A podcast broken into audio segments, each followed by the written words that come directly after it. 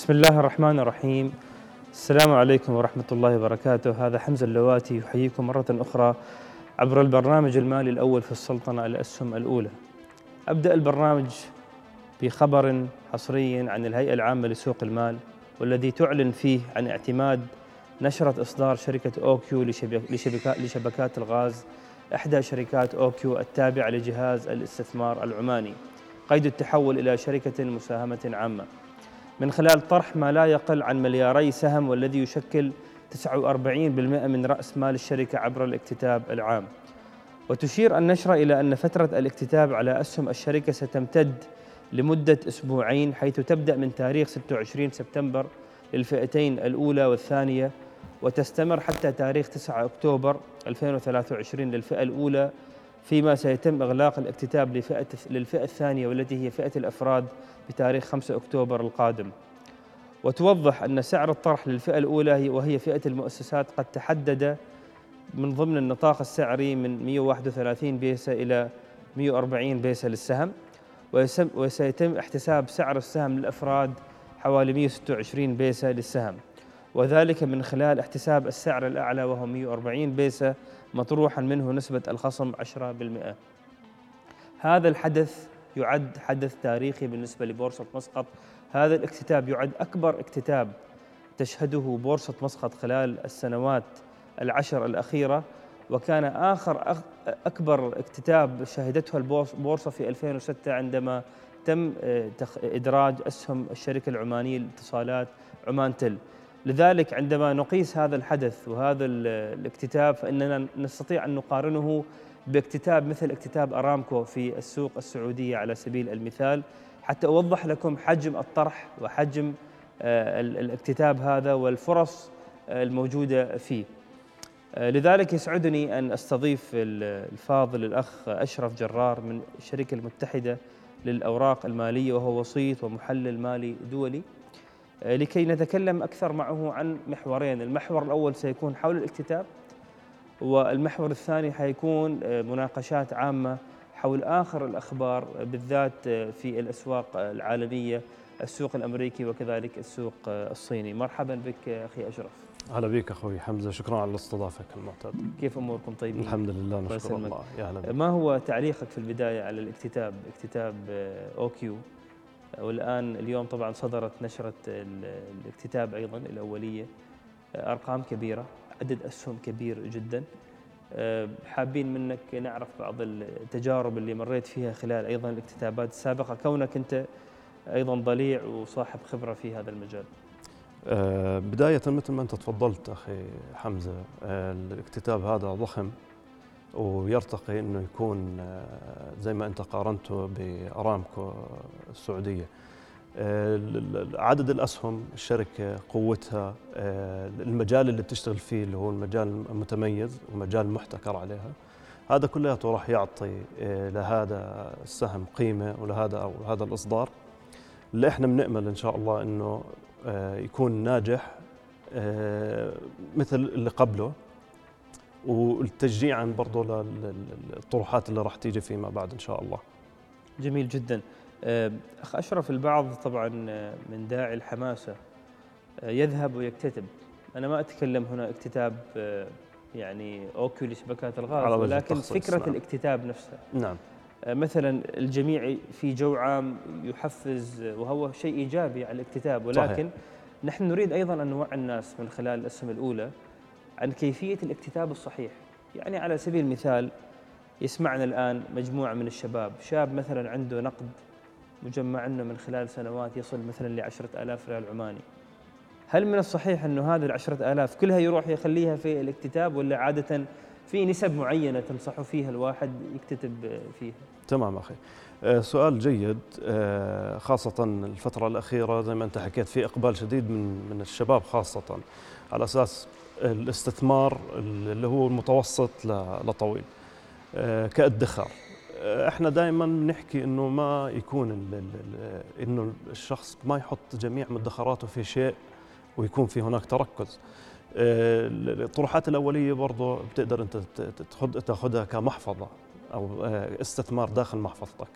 يكون ما بين 20 ل 30% خاصة إنك أنت راح تأخذ على سعر جيد. طبعا هذا مش إنه إحنا بنحكي بشكل عام مش شيء إلزامي. آه، لأنك أنت بتأخذه بسعر تفضيلي فمن الجيد إنه يكون في لها نسبة من محفظتك. آه، زي ما أنت تفضلت ما بصير الواحد يكون آه، المبلغ كامل متركز في الطروحات الأولية بسهم معين بسندات بكذا. لا إحنا دائما بنشجع الاستثمار إنه يكون متنوع لتخفيف أو تخفيض المخاطرة تنويع الاستثمار آه، بتزيد عندك آه، الدخل من أكثر من قطاع وهذا الشيء اللي لازم الشباب برضه تلاحظه وإنه يكون منصب عليه الفترة الجاية. جميل. آه، من خلال رؤيتنا لإكتتاب أبراج واللي أيضا شهد نجاح كبير وإقبال كبير. صحيح. والآن تقريبا حتى على سعر اليوم كل من دخل اكتتاب أبراج فهو ربح يعني. مية البعض ربح 30% لو تحسبها مع التوزيعات النقدية. اللي وزعتها شركة أبراج. نجي الآن لموضوع أوكيو لشبكات الغاز وهي طبعا شركه أكبر وأيضا أهميتها لقطاع الغاز أهمية قصوى ومهمة جدا كونه أنه هي عندها عقود مع الحكومة ل 2060 ولكن في نفس الوقت حتى نوصل معلومة بطريقة سهلة وبسيطة للناس هل نحن مقبلين أمام اكتتاب؟ يعني يتم اتخاذ الفرصة في إنه تكتتب وتخرج في توقعاتك؟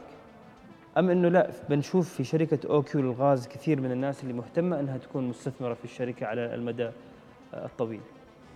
آه، هلا كأوكيو أنت مثل ما تفضلت إنه آه، عندهم عقد حصري.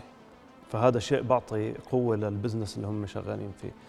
آه، يفترض يفترض.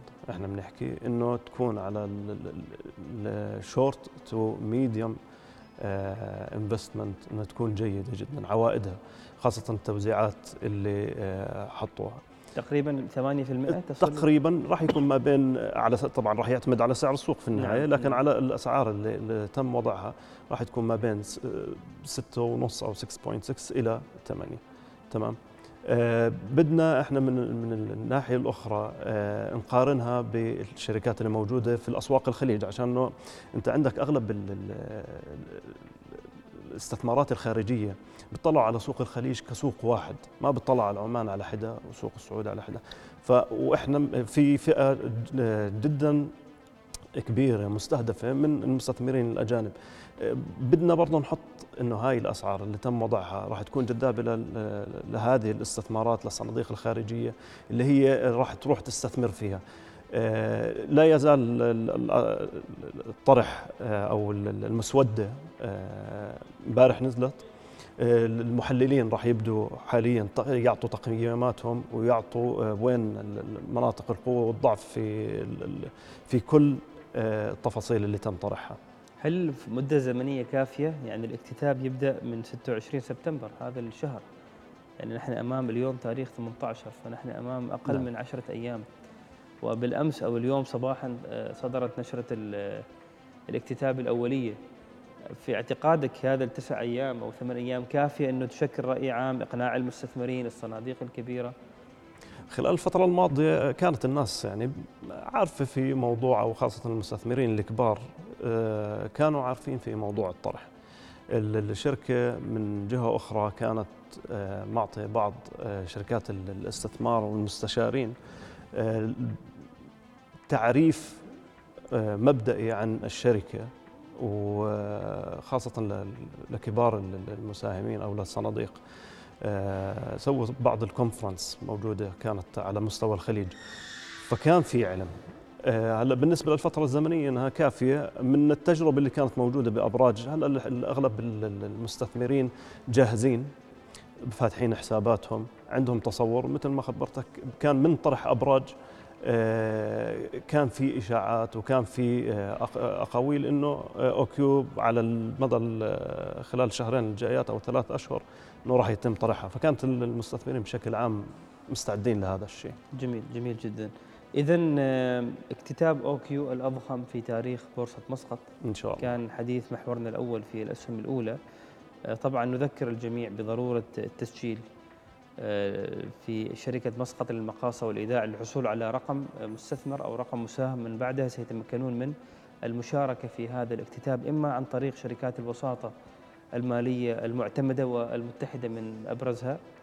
آه، أو عن طريق البنوك آه، أيضا المعتمده في آه، في في هذا الاكتتاب. تغطية في هذه التغطية وبإمكانهم أيضا عن طريق ال application أو التطبيق الهاتف النقال المشاركة. المحور الآخر من حلقتنا اليوم أخ أشرف دعني أبدأ من الأخبار من هونغ كونغ. يعني اليوم بورصة هونغ كونغ تشكل يعني نزول جديد ومثل ما يقولوا باللغة الإنجليزية another low for the year يعني آه، لسنة 2000 يعني 23 آه، وصلت البورصة إلى 17947 نقطة. القلق المقلق في الأمر على أن البورصة آه، جالسة تنزل ومعها الشركات الكبيرة مثل علي بابا وبايدو وغيرها من كبريات الشركات الصينية العملاقة تنزل أيضا أسعار أسهمها مع أنها تحقق نتائج إيجابية في موضوع الربح أو في موضوع الإيرادات. وكذلك في توقعاتها للفترة القصيرة القادمة لخلال السنة والسنتين أو ما يسموها المحللين بال estimates ال earning estimates كل المؤشرات المالية إيجابية. ولكن ومع ذلك الحكومة الصينية أيضا أعلنت عن مجموعة آه، حزم للدعم. دعم الاقتصاد. دعم الاقتصاد الوطني بالذات في القطاع العقاري. آه، قللت أيضا من نسبة الفوائد للمؤسسات والشركات حفزت الأفراد للاستثمار في البورصة والمنتجات الاستثمار الأخرى ولكن نجد هبوط آه، يعني كبير جدا. آه، أنت طبعا عندك أيضا خلفية في الأسواق المالية فخلنا ندردش ما الذي يحصل آه، خلف الكواليس للأسواق الصينية. أخي حمزه مثل ما أنت بتعرف دائما الأسواق بتتأثر بالأخبار السياسية والأخبار الأخرى من من هذا النوع. المناكفات اللي صارت خلال الفترة الماضية ما بين ك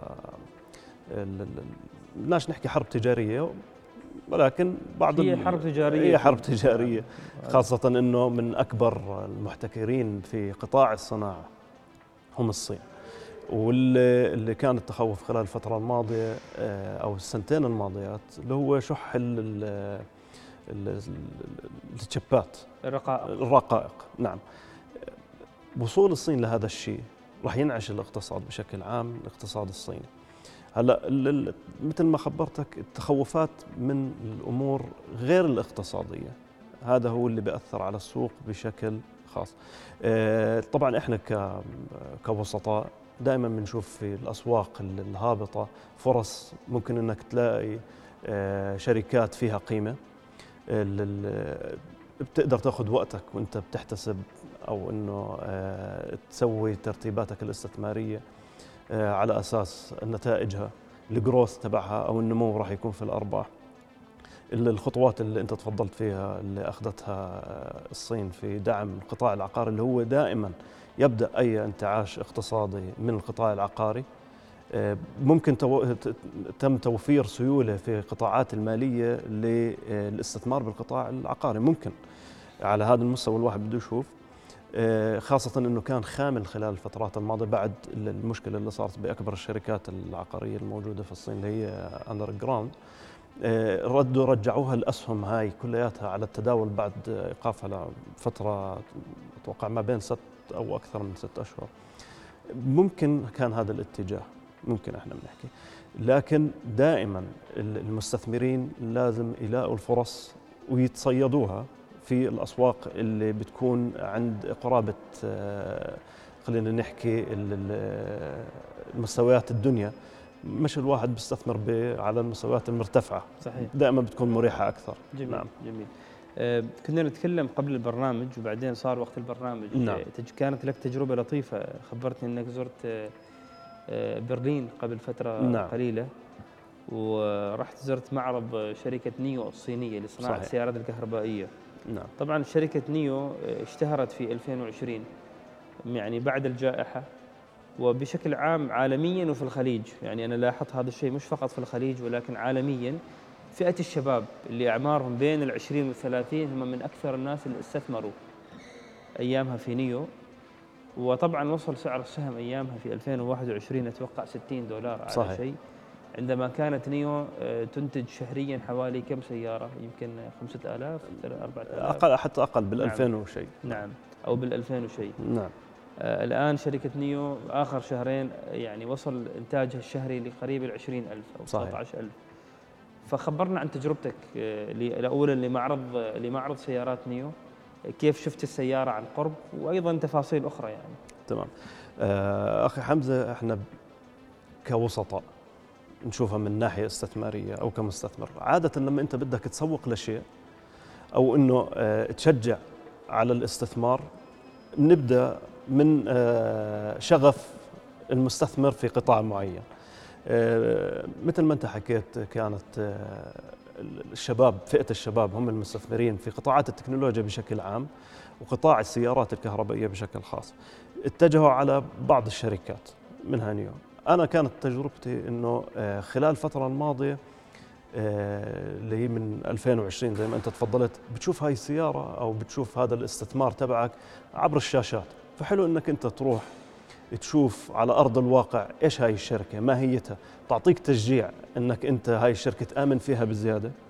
آه، ودائما إحنا بنحكي بداية الاستثمار دائما من شغفك سواء كنت مهندس من شركات آه، بقطاع الهندسة اللي بيشتغل بالبترول بكون أسهل عليه إنه يقرأ الشركات اللي بتشتغل ضمن مجاله.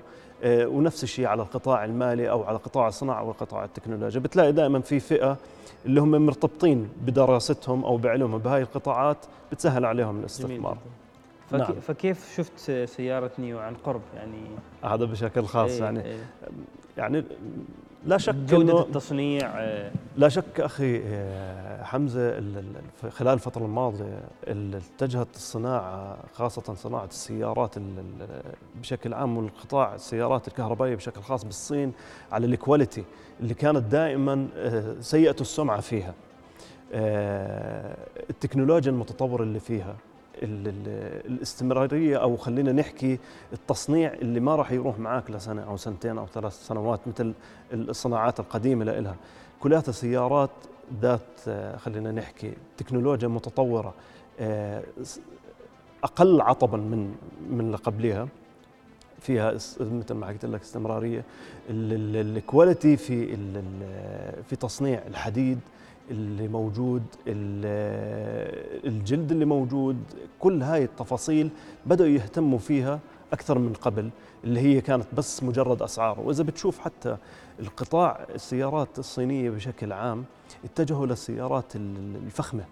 مش مثل قبل إنه بس بهمه إنه يعطيك صحيح. سعر آه، أقل. صارت التنافسية إنه آه، يطمحوا إنهم يغطوا طلبات ال- ال- ال- المستهلكين كرغبات أكثر من إنهم يوفروا عليهم آه، السيارة اللي كانت تجلس لها سنتين أو ثلاثة هلا صارت بدك تقعد معك 20 سنة خاصة إنه مع الأمور الاقتصادية صار الواحد يطلع to save money أكثر من ما إنه آه، كل سنتين ثلاثة يغير سيارته. جميل. نعم. فإذا أنت لما شفت سيارة نيو في معرضها في برلين هل تستطيع أن تقول على إنه هي يعني كفؤ وتقابل ونفس ال quality أو قريبة أو ممكن مقار- منافستها مع السيارات الأوروبية؟ 100% أكيد 100% آه، خاصة إنه أنت آه، على دراية إنه السوق الأوروبية في لها متطلبات جدا. صعبة. نعم. آه، أغلب الس- السيارات اللي ما راح تلاقي آه، كل السيارات الصينية إلا سيارات معينة. أغلبها راح تكون آه، يا بمثل كفاءة السيارات الألمانية أو آه، للتجديد عشان تعرف سوق تنافسية كبير وبيحاولوا إنهم يصعبوا على السيارات الأجنبية. فهذه السيارات آه، أكيد آه، من من كفاءة السيارات الأخرى اللي موجودة في أوروبا. جميل جميل. نختم بالسوق في أمريكا. آه، نعم. نحن قبل تقريبا حوالي شهرين آه، كان في شهر يونيو على ما أظن. تقابلنا أيضا نعم. تشرفنا بمقابلة معك وذكرنا وأنت أيضا ذكرت على أنه في توقعات لأن السوق الأمريكي ينتعش. فعلا آه، لاحظنا على أنه مؤشر ناسداق ال S&P كثير اسهم ارتفعت بالذات في القطاع التقني. نعم. ميتا اللي هي فيسبوك وصلت لقريب ال 320 آه، الأبل أيضا حقق ارتفاعات آه، كبيرة. الآن طبعا في حالة في تذبذب في شركة أبل يعني. صحيح. نتيجة الأخبار الصادرة الأخيرة من الصين على أنها ستمنع موظفينها من استعمال منتجات أبل خلال ساعات الدوام يعني في المؤسسات الحكومية. نعم. وش وجهة نظرك ورؤيتك للأسواق الأمريكية؟ ونحن متجهين إلى الربع الأخير في عام 2023 ومقبلين أيضا على 2024 تمام. آه المرة الماضية لما كنا نتناقش كان السوق في في مستويات متدنية. قارناها في السنوات الماضية مع النتائج اللي كانت تصدر والتحسنات اللي والتحسن اللي كان ملموس على الشركات ونتائجها. هذا أعطانا تطلع ل أو توقعات خلال الفترة اللي بعديها إيش بده يكون اتجاه السوق. والحمد لله صابت معنا آه انتعاش آه عدة قطاعات منها ال logistics آه، أو ال supply chain كان لها تأثير. مثل ما حكينا الرقائق اللي هي تعتمد عليها أغلب شركات التكنولوجيا وهي الركازة الأساسية للاي اي برضه كان لها تأثير آه، توفرها حاليا آه، خاصة أن الصين كمان بدت بإنتاج حتى لو كانت متأخرة بجيلين عن الصناعات الأخرى الكورية أو الأمريكية. هذا كلياته راح يعطي آه، السوق بعض الزخم أكيد إحنا عند مستويات أغلب الشركات التكنولوجية العالية اللي هي بتقود السوق بشكل عام بعيدا عن آه، أي تأثيرات آه، سياسية أو المناكفات التجارية مثل ما حكينا ما بين الصين وأمريكا. الأسواق المفروض إنه يكون فيها اتجاه جيد خاصة إذا شفنا النتائج الأخيرة مع الجايدنس أو التوقعات الشركات اللي دائما تصدرها بعد آه، نتائجها تطلعاتهم للفترة الجاي أغلبهم بشكل إيجابي. ونتوقع يعني إن شاء الله الأغلاقات السنوية عادة بتكون جيدة عادة بتكون جيدة إن شاء الله. يعني في فترة أعياد الميلاد والكريسماس نهاية السنة يعني. بكون في زيادة على ال retail على حتى حتى restructuring آه، بكون أو إعادة استثمارات وتقييم الاستثمارات اللي كانت خلال السنة. ممكن هاي برضه تعطي زخم ك ك كسيولة داخل السوق. وإعادة ترتيب هاي المحافظ ممكن المستثمرين آه، تلفت نظرهم لبعض الشركات. آه، كنا نتكلم أنا وأخي أشرف أيضا قبل الحلقة على أنه في هنالك احتمالات كبيرة ونقول احتمالات وليس يقين على أن السوق الأمريكي قد يصل إلى أول تايم هاي إلى أعلى نقطة وصلها خلال فترة وجوده ربما خلال الربع الأول أو نهاية السنة من هذا العام.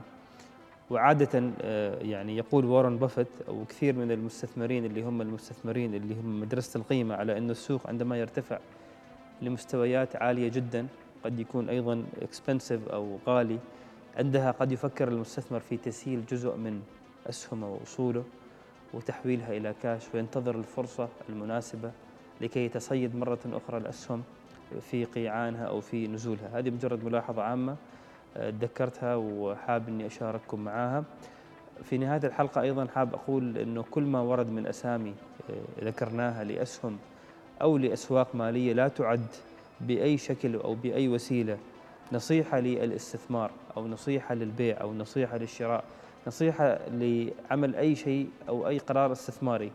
كل قرار استثماري تتخذه أنت مسؤول عنه بعد ما تقرأ وتتيقن وتنتبه ويكون بقناعتك. وهذه الحلقة وهذه المحاولة مجرد محاولة لنقل الصورة ولتقريب وجهات النظر. شكرا جزيلا أستاذ أشرف على حضورك معنا مرة أخرى. مشكور وإن شاء الله نشوفك في المواسم القادمة. إن شاء الله. الأسهم الأولى قارب على نهايته تبقت لنا مجموعة حلقات قليلة. وإن شاء الله يكون بيننا تواصل في فرص قادمة. ان شاء الله. وبشكرك أخي حمزة على هذا البرنامج الجميل التوعوي. أكثر من ما إنه آه، توجيه يعني أو إعطاء توجيهات للأسواق عنها إنه نوجه المستثمرين أو صغار المستثمرين للطريقة الصحيحة في آه، الاستثمار وطريقه الادخار في هذا القطاع. مشكور على هذا شكرا الشيء. لك. شكرا لرعاة البرنامج الهيئة العامة لسوق المال شركة مسقط للمقاصة والإيداع وكذلك بورصة مسقط. هذا حمزة اللواتي يحييكم مرة أخرى عبر الأسهم الأولى. السلام عليكم ورحمة الله وبركاته.